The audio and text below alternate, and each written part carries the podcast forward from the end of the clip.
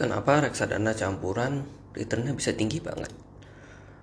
Uh, ada satu reksadana campuran yang di bibit itu bikin viral ya. Orang-orang mendadak nanya ke influencer-influencer lain soal reksadana campuran dan juga nanya ke bibit dan APRD-APRD lainnya. Sebenarnya jawabannya sih sederhana, uh, karena kita memberikan fleksibilitas ke si manajer investasi. Sama halnya dengan investor profesional yang punya alokasi tersendiri terhadap berbagai instrumen dari obligasi, uang tunai, sampai saham. Di reksadana campuran kita juga memberikan fleksibilitas bagi si manajer investasi untuk melakukan switching dan redirection sesuai dengan market timing dan analisa mereka.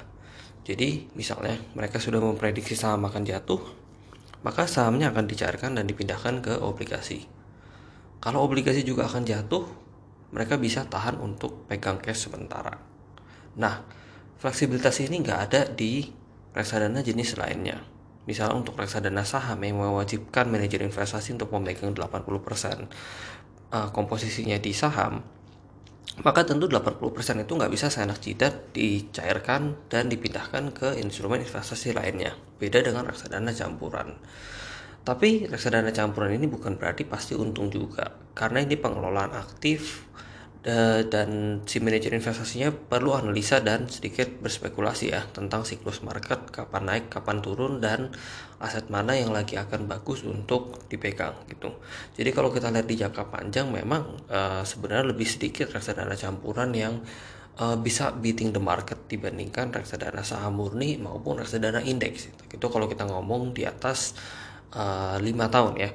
Tapi kalau kita lihat jangka pendek Eh, terutama dalam hitungan beberapa bulan terakhir ini di masa pandemi tentu ada beberapa reksadana campuran bukan cuma satu ada sekitar 3 sampai 5 yang memang performanya wah banget. Nah, ini manajer-manajer investasi yang menurut saya memang ngerti uh, potensi terselubung di balik pandemi di saat di saat uh, saham-saham itu ada yang uh, jatuh saham-saham besar tapi saham-saham kecilnya itu tiba-tiba naik drastis ya yang kita sebut dengan new business stocks gitu. Nah, nah jadi sebenarnya uh, simpel aja sih penjelasan seperti itu. Lalu kalau ditanya sekarang reksadana campuran jadi bagus dong untuk masuk. Uh, ya sebenarnya bagus-bagus aja kalau misalnya kita memang uh, males menganalisa sendiri ya soal alokasi portfolio kita. Kita nggak tahu kapan masuk fixed income kapan masuk equity itu boleh coba reksadana campuran. Tapi kalau bagi ekspor-ekspor yang sudah memang punya rumus tersendiri dan memang pencari risiko ya maka menurut saya sih sebenarnya perlu nggak perlu. Mungkin bagus untuk diversifikasi tapi mungkin anda sendiri bisa mendapatkan keuntungan lebih jika uh, dimainkan sendiri gitu. Terakhir saya mau bahas tentang metode entry-nya ya lebih cocok lamsam atau DCA dollar cost averaging nah ini menurut saya sih uh, itu harus tanya sama si manajer investasi sendiri. Sekarang posisinya lagi pegang banyak stocks atau pegang banyak obligasi. Karena kalau misalnya dia pegangnya banyak obligasi atau fixed income itu tentu lebih bagus kita agak lamsam lebih besar ya. Karena kan sifatnya dia fixed return. Tapi kalau dia lagi pegang banyak stocks uh, saya rasa tetap lebih cocok DCA gitu. Karena saya udah pernah bahas ada penelitian yang menunjukkan bahkan uh, eh, DCA itu bisa mengalahkan uh, metode trading yang paling unggul sekalipun gitu tanpa harus banyak effort.